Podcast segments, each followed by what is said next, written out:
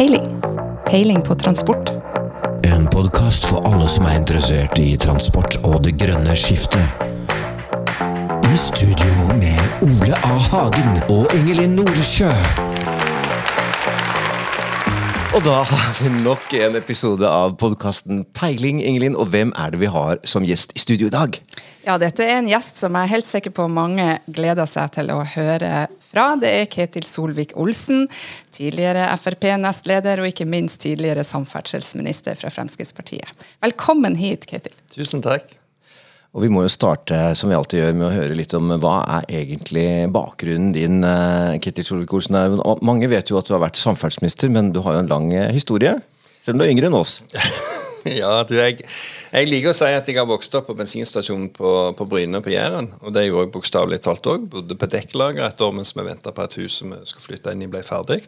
Men jeg har eh, studert i USA. Jeg har eh, statsvitenskap, eh, sosialøkonomi som eh, utdanning. Jeg har jobbet i rederi, luftfart, jeg har jobbet hos bilimportør. Eh, far min drev bensinstasjon, som sagt, men han drev òg et busselskap etterpå. så Alt som har med transport, logistikk og sånne ting, det, det, er en del av blodet. Så jeg er gift, jeg har to barn som eh, etter hvert begynner å bli voksne tenåringer. Jeg har et varmt forhold til USA, enda varmere forhold til Norge. Eh, generelt eh, glad og lykkelig, tror jeg. Det er jo en saying i, i Rogaland som eh, heter 'Vi tar toget til Bryne'. Men eh, det var bensinstasjon, altså, så du tok ikke tog. Du nevnte ikke tog nå blant alle Nei, transportformene du Nei, var men jeg kan jo si at eh, svigerfar min han er pensjonert lokfører, så jeg mener jeg har en fot inn i alle, alle typer transportbransjer. Så da har vi bussjåfør Ingelin og eh, Ja, jeg bruker jo å skryte av det da, at jeg har vært bussjåfør, så jeg har jo transportbakgrunn eh, også. Men det, jeg har ikke en far som har drevet bensinstasjon, men, så det, det, der slår du oss. Bare for å, å komme, spole fram til dati, eh, nåtiden, så er det jo greit å vite hva er egentlig eh, hoved-daytime-joen din i dag? I dag jobber jeg eh, i et selskap som heter Seabrokers, eh, som starta med skipsmegling, men har eh, en fantastisk spennende gründer som hvis han ser muligheter, så hopper han på dem. og Det gjør at han i dag òg har et eh, anleggsselskap, et fundamenteringsselskap, som jeg leder. Eh, Og så har jeg også gleden av å drive med forretningsutvikling i det, så vi gjør mye spennende. Og så har jeg en del ulike verv i typisk oppstartsselskap, gjerne relatert til teknologi, transport, mobilitet. Så um, mye på dagtid og enda litt mer på kveldstid. Men du holder deg unna politikk eh, fullt og helt nå, eller? Klarer jo aldri å få det ut av blodet, så jeg følger jo med på det meste som skjer. Men akkurat nå så har jeg ingen politiske verv. Jeg sånn sett er helt fri og frank. Men eh, jeg sier til alle, inklusiv meg sjøl, at det er en pause. Det er ikke et endelig farvel. Det tror jeg mange er glad for å høre, fordi jeg tror det er mange som savner deg i politikken. Men avgåtte politikere bruker jo å få det spørsmålet savner du politikken. Men da kan jo jeg spørre deg, savner du deg sjøl i politikken? Nei, jeg skal ikke ta en Carl I. Hagen og si at jeg savner meg sjøl. Det er jo heldigvis sånn at eh, det er veldig mye engasjerte folk som klarer å fylle ulike roller. Men, men ja, jeg har hatt en veldig fine si, 35 år med politisk arbeid på ulike nivå.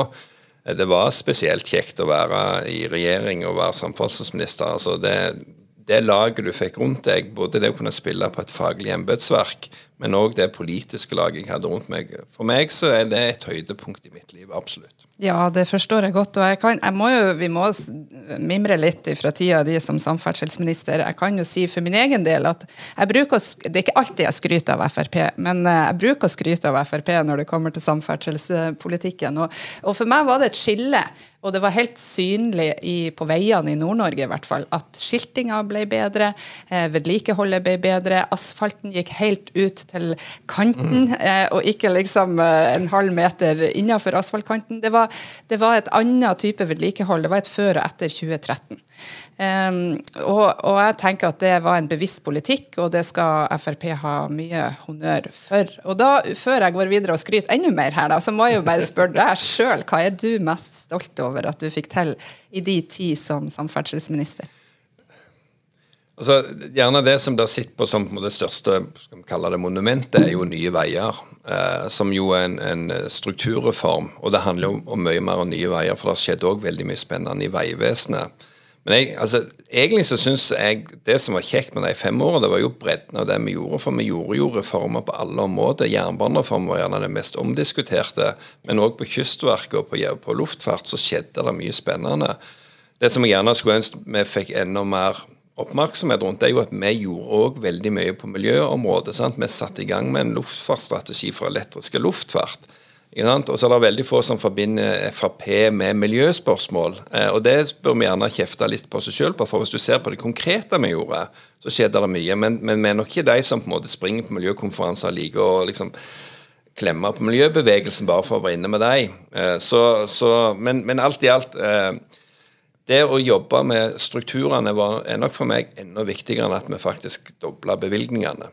Du fikk jo til og med deregulert postmarkedet etter tre Senterparti-samferdselsministre 1.1.2016. Det var jo imponerende. Men da husker jeg du nevnte i stortingsdebatten at Lucky Luke han ble utkonkurrert av jernhesten. Ikke sant? Og Det er et veldig tydelig bilde i et Lucky Luke-blad der du ser telegraflinjene og hvor mye kjappere disse signalene går gjennom linja enn eh, Jolly Jumper når han eh, reiser og går med posten. Men, men for å si sånn, gjerne det jeg er mest stolt over da, når jeg tenker meg om, det er at veldig mye av det vi starta, som vi fikk kritikk for mens vi holdt på, inklusiv postreguleringen, det har dagens regjering beholdt.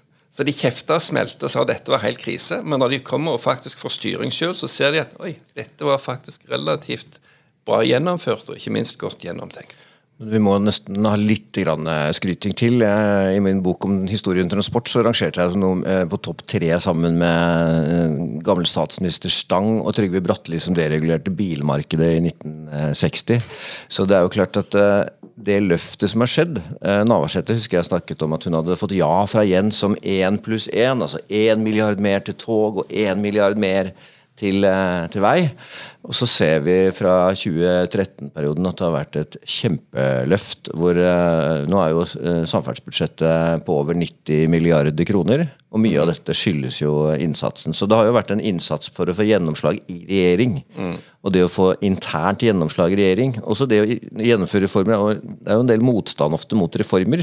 Du skal være litt tøff for å bare måke ut reformer. Eh, og det er en del barrierer, vil jeg si, og interne motstand i byråkrati og underliggende etater osv. Kan du si litt om alle disse tingene du var innom som eh, samferdselsminister? Altså, det, det, ene er jo på en måte den politiske kampen. men Der opplever jeg ofte at eh, motstand kommer nærmest automatisk bare fordi folk skal være uenige for å kunne få en plass i Dagsnytt 18 og sånne ting. Eh, Altså Jeg husker jo hvordan Marit Arnstad var ute og sa at du kan ikke organisere deg til bedre samferdsel. Men jeg, min påstand er at jo, det kan du. Måten du organiserer en bedrift på, eller en etat eller en stat på. Kan skynde det har noe med resultatene å gjøre. Så har du de som har interesser i dette, typisk fagforeninger, de som allerede jobber der. Og jeg forstår veldig godt at med en gang noe skal begynne å endres på, så er det gjerne 7000 personer i daværende Statens vegvesen som Hva betyr det for meg? Og Den private bekymringen, eller personlige bekymringen folk har, den skal vi ta på alvor og respektere. Jeg var veldig tydelig at de reformene vi gjør, det er ikke fordi at vi skal kutte i pensjoner og sånne ting. Hvis, hvis det er målet, så får en heller være ærlig på det og gjøre det på en annen måte enn å rydde opp hele organiseringen. Men så er det jo nettopp det at du setter i gang uten å helt vite kommer det til å funke. Hva slags folk får du inn? fordi at det, Mye av omorganiseringen handler jo egentlig om å gjøre mulig en kultur der beslutninger ble flytta til de som var nærmere å kunne ta dem. Og egentlig til en dels grad vekk fra Finansdepartementet. For litt uærbødig, men òg fra min side en del sannhet. Den største utfordringen mot å effektivisere offentlig sektor i Norge er faktisk Finansdepartementet. Og Min begrunnelse for det er at det er en kultur og en holdning der om at alt som kommer av besparelser, må tilbake i statskassen og deles ut på ny. Vel, i mitt hode, hva gjør det med motivasjon for noen som helst å være med og bidra, hvis du ikke vet at du får beholde i hvert fall litt av gevinsten sjøl? Da er liksom ivrigheten eller initiativet til å være med og gjøre sin egen hverdag mer ukomfortabel i en periode, bare for å se at alle gevinster forsvinner til en eller annen eh, grå masse, det tar jo vekk alle sånne insentiv. Eh, så Finansdepartementet sin, de var jo kjempekritiske til hele tanken på Nye Veier. For det betyr jo igjen at hvis Nye Veier klarte å kutte kostnader i et veiprosjekt, så hadde jo de fullmakt til å sette i gang neste veiprosjekt mye raskere. Det hater jo Finansdepartementet, for de tror de skal kunne detaljregulere alt. Nå hadde du en, en, en, god kollega i Siv Jensen da, som satt og administrerte dette departementet. Absolutt, og la meg derfor understreke at selv om på en måte, nå snakker vi om alt vi fikk i, i samferdsel, men det er jo et teamarbeid. Altså Det er teamarbeid i regjering, men det er òg et teamarbeid overfor Stortinget. Altså både, både det arbeidet vi måtte gjøre med eh, stortingsrepresentanter fra Høyre og Frp, med grasrota vår, men òg for KrF og Venstre for å sikre at vi fikk flertall på det. Det var jo viktig. sant? Så det at KrF og Venstre støtta veireformen, der Erna òg har jo sagt at Nye Veier var jo et Frp-produkt, men allikevel så fikk vi flertall for det. og I dag så er vi glad for det. Så er jo jeg tilsvarende sår da at mye av det vi foreslo på bompengereform, der hoppet Venstre og KrF av. Der har de et annet politisk syn. Der fikk jeg viljen, og der så vi jo at det kom et bompengeopprør i 2019. Og da kunne jeg sagt hva var det jeg sa? Jeg hadde ikke helt foresett at det skulle bli så stort. Men igjen, alt i alt et godt lagarbeid. og NTP-en vi la fram i 2017, der vi hadde sittet lenge med KrF og Venstre i forkant og klart å forene de veldig ulike inngangene vi hadde til å bli en veldig god NTP. Igjen, det viser at lagarbeid funker. Er jo, her er det mange ting å kommentere, og ikke minst som eks-KrF-politiker, Ingelin. Eh, ja, ja, nevnte jo før i dag at det var jo de som egentlig starta Nye Veier, men eh, Ikke starta, men jeg er helt sikker på at det er i hvert fall én sørlending i KrF som kommer til å si at Nye Veier var Hans Fredrik Grøvan Stor tommel opp for hans konstruktive tilnærming. Ja. ja. Men vi, vi, vi, vi, videre. Hatt, vi, må videre. Vi har jo hatt en eh, årskonferanse Ingelin, hvor eh, Nicolai Tangen snakket en annen om det var veldig viktig å gjøre tabber og gjøre feil og ha en kultur for å ta risiko, mm. selv om du da forvalter 15 700 milliarder eller hvor stort oljefondet nå er. Hvis du ser tilbake på perioden, hva var liksom største tabben du gjorde? Men for det første, Jeg er helt enig i det, og jeg var veldig tydelig overfor både embetsverk og overfor etatene at vet du hva, nå gjør vi en del ting der vi går ut på upløyd mark. Gjør vi feil, så er det mitt ansvar som samferdselsminister. Så liksom, om, Som i hver oppstartsbedrift. sant? De aller fleste feiler. Men de som lykkes, mer enn tar gevinsten av de som har feila. Og det må være det samme. at Selv om vi starter reformer, og gjerne noen av de flopper litt, så skal ikke det hindre oss fra at vi faktisk gjør, måtte få høste gevinstene på det vi har fått til. Det jeg gjerne angrer på at vi ikke måtte Nå kommer det, Ingelin. Ja, nei, men altså, det, Jernbanereformen. Jernbanereformen, Vi gjorde, vi, altså vi endra jo på stort sett alt, men eh, for de som kritiserer så, oh, nå privatiserer vi jernbanen og sånne ting, husk det er staten som fortsatt styrer og eier alt på jernbane. Så det var ikke et privatiseringsprosjekt. Det som vi ikke fikk til nok, det var Vi beholdt for mye av strukturene gjennom Bane NOR, som på en måte var det gamle Jernbaneverket. Eh, der skulle vi gjort det mulig å bygge kultur på ny. Det, jeg hører litt for mange folk som har kommet inn i Bane NOR, som opplever at det er fortsatt kulturen fra 50-, 60- og 70-tallet som styrer. mens fordelen med Nye Veier var at de fikk lov til å være de samme fagfolkene, men de fikk starta litt på ny. Og fikk dermed lov å liksom sånn, en sånn ristart på, på ting. Så du ville egentlig hatt et nye baner i tillegg til Nye Veier? Det, ja, jeg, tror, jeg, jeg, mener det. Og, jeg, og, og, det mener jeg igjen. Eh, så lenge Finansdepartementet er inne og overstyrer alt, og sånn, så fjerner du litt av motivasjonen. Jeg tror at, og, og la meg understreke, Nå ser jeg at det er en diskusjon i forhold til Nye Veier og Statens vegvesen, der Statens vegvesen sier at dette kunne vi òg gjort. Sant? Så La meg understreke at Dette er ikke kritikk mot den enkelte som jobber i de ulike strukturene, men det handler mer om hva, hva, hva muliggjør strukturene sånn som det. Blir de for toppstyrte? Blir de for byråkratstyrte?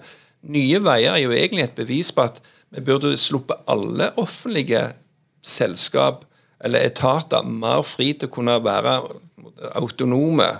Få overordna mål få gjerne 5-20 års perspektiv en, en, langsiktig finansiering, men òg en klar greie på at ok, klarer dere å frigjøre penger, så får dere disponere dem til å nå målene raskere. Men sløser dere med penger, så er det faktisk deres problem i forhold til at dere må finne dem. Dere kan ikke bare komme tilbake til staten og be om mer. Det er kanskje å foregripe litt, men hvis du skulle gi et råd til uh, dagens regjering, er det nettopp uh, Det var jo en jernbanetale som samferdselsministeren holdt ganske nylig, uh, mm. hvor man ville styrke jernbanen. Man har jo hatt en punktlighet som er lavere enn Ukraina. Vi har Dovrebanen står, Nordlandsbanen som er svekka, Rørosbanen som ikke funker, Sørlandsbanen har stått mye, og Ofotbanen har til og med stått, og Raumabanen er nede. Så det er jo en kritisk situasjon for mm. jernbanen i Norge, kan vi si. Ja. Men man kan ikke bare organisere seg ut av det her.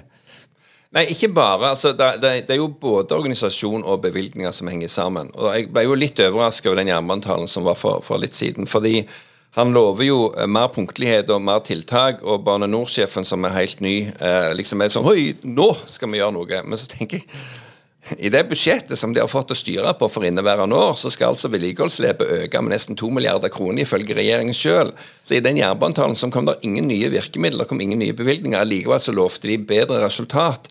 Det harmonerer ikke. Så en, en skal vi si, I mitt råd, ut fra hvordan de argumenterer sjøl, det må være en sammenheng mellom det du lover og det du faktisk setter i gang. Du kan ikke bare si at vi skal bli bedre, og så skviser du på pengene samtidig. Ja, og det, det, tenker jeg det er flere som er spent på hvordan man skal levere på de løftene der. Eh, det, jernbanen i, i, Norge har et eh, stort potensial som er uforløst. Men vi er jo òg opptatt i podkasten Peiling om, eh, av det grønne skiftet. Og eh, Du skrøt litt i sted av den grønne satsinga som dere hadde, klima og miljø. Eh, men det har jo akselerert de siste ja, fire åra. Nå er det mye snakk om elektrifisering av kjøretøyparken, det å legge til rette for at eh, lastebilene kan eh, kjøre elektrisk eller på biogass. Eh, det er snakk om at man må redusere mengden transport for å få ned utslippene. Mm. hva tenker du liksom, om den tida da du satt, og det fokuset som var på det grønne skiftet og det å sette seg klimamål, og dit man er kommet i dag. Eh, og liksom, eh, Hva slags råd har du å gi til, som, til, til oss som jobber med dette? Altså jeg har jo, eh, Fra jeg kom inn på Stortinget i 2005 og satt i energi- og miljøkomiteen, så har klimaet vært et av mine hjertesaker. Både fordi at ja, jeg mener vi må kutte utslipp. Eh, og selv om ofte diskusjonen på klima naturlig nok handler om CO2, så handler det jo om å redusere alle utslipp. Så klarer du å kutte CO2-utslipp, så klarer du å kutte resten av driten òg som følger med opp. Så det har en god effekt uansett. Men så må dette òg ses inn i en realisme med hvordan er energiforsyningen i verden. Og det er der min kritikk ofte har vært at når vi er så opptatt av at vi skal bruke 10 milliarder kroner å rense verdens reneste gasskraftverk på Mongstad, samtidig som Kina, Polen og andre drev på å åpne nye kullkraftverk, så bruker vi pengene feil. Det er ikke et argument mot å kutte CO2-slipp, men et argument for at når vi bruker pengene, la oss kutte mest mulig med dem. Og så er det òg det som jeg mener vi, vi ender opp med å sløse med pengene på, at vi blir så veldig opptatt av at vi skal ha resultater med i gang, og så setter vi i gang en del symboltiltak istedenfor å si at greit, vi har et perspektiv i 2030. Det betyr ikke at det blir en lineær opptrapping av utslippene. Det betyr gjerne at du bruker enda mer penger på forskning og utvikling de første årene, og så kommer resultatene på slutten av perioden. Og Når du hele veien får den måte, krangelen som skal si, eksemplifiserer med hvordan vi hele veien diskuterte med Venstre, som var veldig opptatt av å ha nesten umiddelbare resultat, mens vi var gjerne litt mindre skal vi si, panikkart. Noen her i systemet sier vi skal ha kontrollert panikk. I panikk så tar du ingen gode beslutninger. Eh, og så kan gjerne noen mistenke at Frp-eren ikke brydde seg i hele tatt, men i hvert fall i mitt hjerte så var det sånn jo, men vi skal drive langsiktig forskning og utvikling. fordi at det er ikke hva utslippstallene er i 2025 som betyr noe, det er hva det er i 2030, 2040, 2050, og hva det er, hva det er globalt. Så jeg tror at vi kommer til å overoppfylle Parisavtalen når vi kommer til 2050. Selv om vi i dag ikke helt vet hvordan det er. Fordi det er så enormt mange globalt som jobber med dette. Og vi vet ikke hvem som er den neste Elon Musk og lignende, som plutselig gjør at det som framsto som en latterlig ting med liksom, å, elektriske biler Altså Husk hvordan vi så på Buddy Think for bare ti år siden. Nå, nå, nå er det ca. ti år siden Nissan Leaf begynte å gjøre sin entré, og nesten triplettene fra Mitsubishi Peugeot og sånne ting. Men altså før det så var jo elbilene dyre og veldig ukomfortable og liten rekkevidde. I dag så er det ingen av oss som tviler på at en elbil er fullgod uh, til en bensin- og dieselbil. Denne utviklingen det er en eksponentiell vekst, og da må vi akseptere at i begynnelsen så er den eksponentielle veksten framstår som lav i volum, men vi kommer til å få til dette. Men hvis vi tar en runde rundt, som du sier, batteri på biler har jo blitt så bra at man kjørte kanskje 10 mil for eh, ti uh, år siden, 50 mil i dag, og nå er det jo lansert biler med batteriteknologi som gjør at du kan kjøre 100 mil uten å måtte lade. Så ser vi at for personbiler, for varebiler og for busser så er egentlig problemet mye løst når det gjelder elektrifisering. Altså. Bortsett fra bussene i Oslo på vinterstid. Ja, men igjen, det er forbigående. Altså, det, det, er et det, det, er ikke et 2040-problem, men, men, for tungtransporten som uh, Eh, som Ingelin og jeg jobber litt med, så er det jo sånn at er ikke, vi er ikke helt i mål.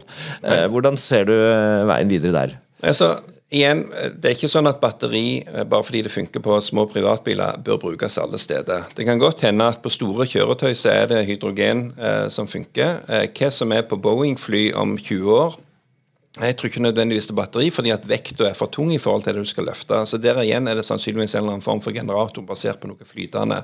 Om det er biodrivstoff, hydrogen, jeg vet ikke.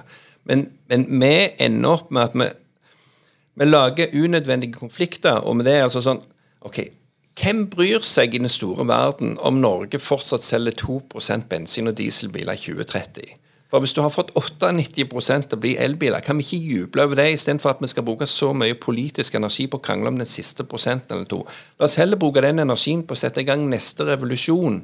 Og det er der jeg mener at igjen, symbolikken her gjør at de politiske diskusjonene ofte ender opp med at vi, vi støter mange folk ifra oss. Du skaper unødvendige konflikter, du bruker unødvendig mye penger.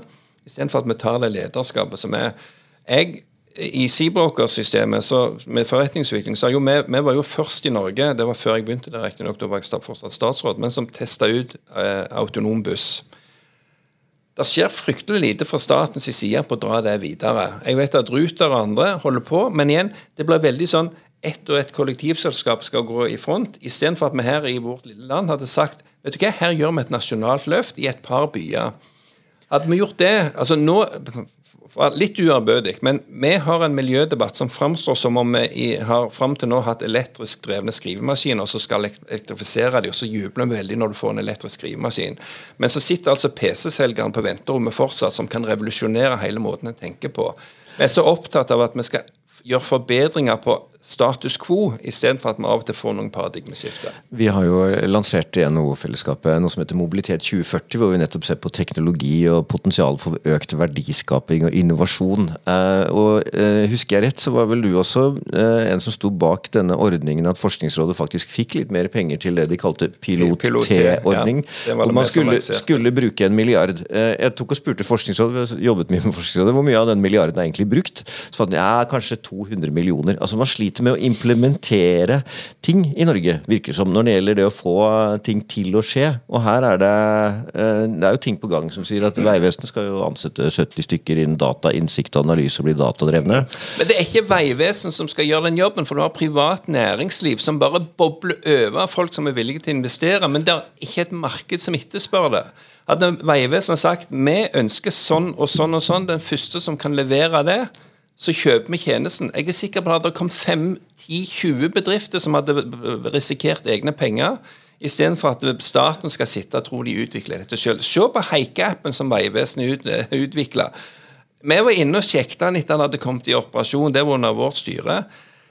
På en 30 dagers periode fremme, så var det altså 50 eh, personer som hadde registrert at de ønsket haik i hele kongeriket. Det er jo ingen som kommer til å gidde å gå inn på det. Ingelin, her er, er våkna engasjement. Ja, ja, ja, det, det merker vi her. Nå er du i næringslivets hus. Vi er ganske næringsvennlige og ønsker at eh, bedriftene våre og medlemmene våre skal være med å utvikle løsningene, at ikke alt skal være statlig og planregulert osv. Så, videre. så du er, du er hos venner akkurat nå. Jo, jo. Men, men altså, det, det er det jeg håper. Og jeg vet at selv om det er rød-grønn regjering, så håper jeg at i hvert fall Støre og Vedum, som ofte snakker hyggelig om privat, at de òg ser at hvis vi klarer å stimulere markedet Det er mer enn nok som er villige til å ta risiko på vegne av næringslivet, men de må ha en leverandør til å komme av og til. Og når du ser på Mesteparten av det som skjer på transport i Norge, det er jo regulert av staten. Om det er jernbane, om det er luftfart, om det er skipsfart, kollektivtransport. Det eneste som ikke er regulert av staten, sånn sett, det er jo privatbilismen. Og den er jo mer eller mindre Deregulert av Bratteli i 1960. Ja, ikke sant? Sånn at hvis, hvis, staten hadde gått inn og sagt vi vil gjøre sånn og sånn på kollektivsatsingen, sant? og vi velger Tromsø til å teste ut det, Eh, vi velger Stavanger til autonome båter, vi velger Drammen til autonome biler. og sånne ting. Jeg er sikker på at vi hadde fått mye kjappere suksess enn om Statens vegvesen, Kystverket og Bane Nor får hver sitt oppdrag i at de skal selv utvikle dette og gå og prøve å hente hyllevare. Det hadde ikke gjort noe med en litt privat kapital for å få bygd et uh, dobbeltstoppbord mellom Gøteborg og Oslo f.eks. Jeg tror at hvis det, staten skal inn og sponse det, så skjer det aldri. Første jernbanen i Norge ble jo bygget med privat kapital fra utlandet, fra England. Mm. Det var um, hovedbanen. Ikke sant. Nei, men Vi vet jo Ketil, at du er en venn av privatbilisten. Men jeg vet også samtidig at du er en ivrig syklist. Det er viktig. Eh, en, jeg er kanskje en av få som har uh, sykla tandemsykkel med deg, og det var i Bodø. Har du det? ja, det. Har du sykla tandem, ja, Ketil? Ja, jeg tandemsykkel med Hvordan gikk det? Det gikk bra. Han var en stødig og habil syklist, så jeg følte meg veldig trygg. Han satt forrest og så hadde styringa, så det, det, gikk veldig bra. Så jeg, jeg var i gode hender. Men sykler du mye fortsatt? Du, det gjør jeg. Jeg har et mål om å sykle minimum 5000 km i året. I fjor så gikk, ble det vel 5500, inklusiv det litt på, på rulla i kjelleren når det er for isete ute. Men øh, 5000 km i året, det er liksom Norge fram og tilbake to og en halv gang? Nei, det er vel tur tur og tur eh, Svinesund-Kirkenes.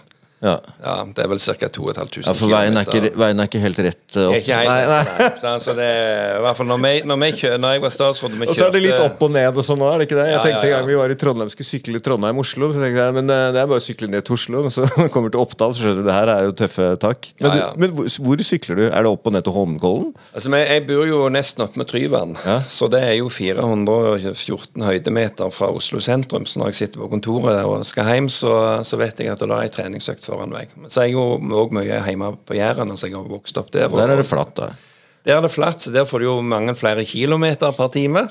Uh, så liksom, men, men treningseffekten blir gjerne litt, litt mindre. Men eh, gud hjelpe meg hvor skjønt det er i naturen eh, på Jæren. Altså, det kan jeg anbefale. Så, Fine plass. Men, ja da, men, men noe, altså, når vi var ute på våre turer og, altså, og, og befarte ting, så hadde jo jeg ofte med en sykkel bak på bilen. Rett og slett fordi at vi tok oss en sykkeltur på kvelden. altså Vi har sykla Narvik rundt på kveldstid eh, og sånne ting. Men, men når jeg husker når vi var i Finnmark, så, så tok vi en liten avbrekk for å kjøre på Norges vakreste vei. Eh, og da var det jo enda bedre å sykle Norges vakreste vei. Så og når jeg bodde i Alabama nå for et par-tre par, år siden, så første første jeg gjorde der etter å ha skaffet leilighet, det var å kjøpe sykkel. Jeg kjøpte sykkel før jeg kjøpte bil.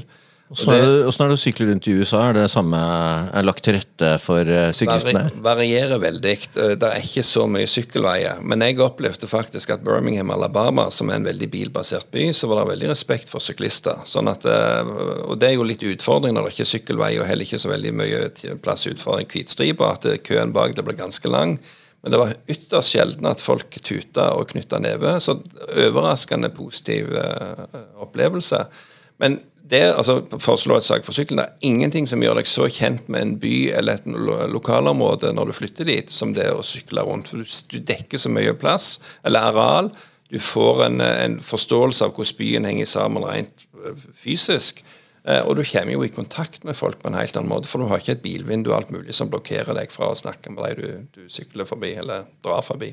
Vi skulle gjerne snakket mye mer om eh, USA, hvordan det egentlig gikk i USA. hvordan eh, du, du tror det kommer til å gå i USA, for det er et spennende land på mange måter akkurat nå. Men eh, Ingelin har en fast eh, spalte som vi kaller Ti, eh, ti raske, ti kjappe. Ja, vi kan jo begynne med den første, fordi at eh, jeg vet jo blant annet at eh, jeg vet svaret på dette antakeligvis, men det vet kanskje ikke lytterne. Eh, eh, sjokolademelk eller cola? Sjokolademelk. Ja. Inside information her. ja, jeg, jeg har hørt at Ketil Solvik-Olsen er ekstremt glad i sjokolade. Og Hadde vi gjort egentlig hjemmeleksa vår ordentlig her, så hadde vi Tatt hatt en, med sjokolade. en uh, Ja, men det, det er faktisk litt kult, for det vanlige eh, nei, Der drikker jeg det meste, men helst norskprodusert. Men altså, det vanlige når du som statsråd reiste rundt og besøkte ting, var jo at kaffen sto klar. Og de første ukene når jeg ikke drikker kaffe, jeg drikker te, da, sant? men du får de flakkende blikkene og føler at oi, nå har vi dreid oss ut for statsråden. Sant? Så jeg er veldig avslappa på det. Men et par uker seinere etter det, så sto det sjokolademelk alle plasser jeg kom. Og jeg husker jeg sa til han eh, ene statssekretæren min at jeg, det er greit at jeg er glad i sjokolademelk, men liksom, når vi besøker ti bedrifter i løpet av en dag jeg klarer ikke å drikke ti liter sjokolademelk. altså det så bare... Så det fins ei grense. sjøl for deg. Ja, ja, ja. Nei, men eh, vi går eh, videre. Vi får se om det blir ti eller åtte, eller hvor mange spørsmål det blir, men jeg kjører i gang her. Ja. eh, Ketil Solvik-Olsen, vil du helst drive med lagsport eller individuell idrett? Individuell idrett, men jeg ser helst på lagsport. Bra svar. Eh, Er du en helt eller en skurk i en film? Helt. Ville du helst ha kunnet hatt egenskapen å lese tanker, eller å være usynlig? Lese tanker. Vil du helst ha en pauseknapp eller en spoleknapp i livet? Hvis pauseknappen gjør at du får fulgt dagene med mer ting, så tar jeg en pauseknapp. Du sa ikke om du kunne spole bakover, da. Skal Ja, spole fremover. Nei, det er nok bare fremover det går an å Ah, spole her. Ja. Hvis jeg har en pause andre og får gjort mer sjøl, så er det greit. ja, ja, ja, ikke sant. Eh, det her må vi jo spørre flere, da. Vil du helst være rik eller berømt? Rik. Ja, da kan man investere, vil jeg tro. eh, alltid tap i spill, eller aldri å spille i det hele tatt? Da vil jeg heller alltid tape. Det er noe sosialt i det å være med og spille med andre. Du må jo altså ikke alltid vinne. Nei. Eh, I dag er det fredag, eh, og eh, er det fredagspizza eller fredagstaco? Ja takk, begge deler. Å nei, det er ikke lov å svare det. Ok, Da er jeg på taco. Men jeg har jo et notorisk dårlig kosthold, sånn at det består stort sett av taco, pizza, burger Og sjokolademelk. og sjokolademelk. Og jeg må jo bare si Den første statsrådsmiddagen jeg inviterte når alle etatene og transportkomiteen og sånn kom, så var det jo naturlig nok departementet som pleide å forberede det. Så spurte jeg hva er menyen, og så sa de en sånn tradisjonell kjedelig greie. Så jeg vet ikke, det kommer ikke betale. Jeg skal ha burger og bananasplitt. Ja, Da forstår vi at du må sykle en del, da. i Ja, det er så heldigvis så sykler jeg, men, men vi brukte faktisk et par uker på å krangle først med meg mot embetsverket, og så tenkte embetsverket ja, la han få det. Men kjøkken, kjøkkenet kommer til å si nei uansett. Så måtte jeg krangle med dem, men det ble burger og bananasplitt. Og så fikk vi asperges til forrett, bare for å ha litt tradisjon. Ja. Nei, eh, siste spørsmål. eh, og det, jeg vet ikke om du har sett filmen, men kunne du vel, ville du da ha vært på Team Barbie eller Team Ken? Jeg har ikke sett filmen. Jeg så Oppenheimer isteden. Ja. Den fikk jo priser så det holdt. så- Men Barbie-filmen er verdt å se. Den er faktisk interessant i, i, i mange perspektiv, også for barn. Og så sier jeg man alltid være på Team Barbie. Ja. Ja, Eh, vi, vi går litt over tiden her, men det er mye interessant å snakke med deg om. eh, Solvik-Olsen. Vi pleier også å spørre om hva er din verste transportopplevelse? Det var eh, hurtigbåt mellom Sicilia og Malta i 2004. Da hadde vi hatt en fantastisk tur fra Malta til Sicilia i flott vær, men når klokka var åtte om kvelden når vi skulle hjem, så fikk vi beskjed om at båten er nok en time forsinka.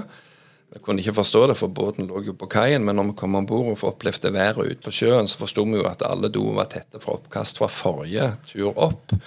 Og det var altså så mye slag og bølger og sånne ting, og du bare hørte oppkast underveis. Og det er det ene, det er liksom det sånn ubekvemme. Men når du ser mekanikerne gå ned i den lille delen av skrog som finnes på en katamaran, midt under etter du har hørt mange slag, da begynner du å lure på om du skal be aftenbønnen tidlig. Det hørtes ut som en ille transportopplevelse. Ok, Vi tar det en annen fast spalte. Det er dette med Har du noen favorittartist eller favorittsang knyttet til eh, samferdsel? Det er jo mange, og DD og E6 er jo obligatorisk. Og jeg husker vi kjørte den på når vi kjørte E6. Men på privaten Jeg har jo litt amerikanske biler, og det å kunne ta ned taket og sette på Bruce Springsteen og Hungry Hearts, da er livet godt. Hungry Hearts, det er noe for deg, Engelin. Ja, den er fin, den eh, låten der i hvert fall. Eh, Men det var utrolig hyggelig å ha deg her, Ketil Solvik-Olsen. Jeg er sikker på at vi kunne holdt praten i gang lenge om både samferdsel, sjokolade og eh, USA. Men tusen takk for at du tok deg tida og kom hit. For det. Peiling. Peiling på transport. En podkast for alle som er interessert i transport og det grønne skiftet.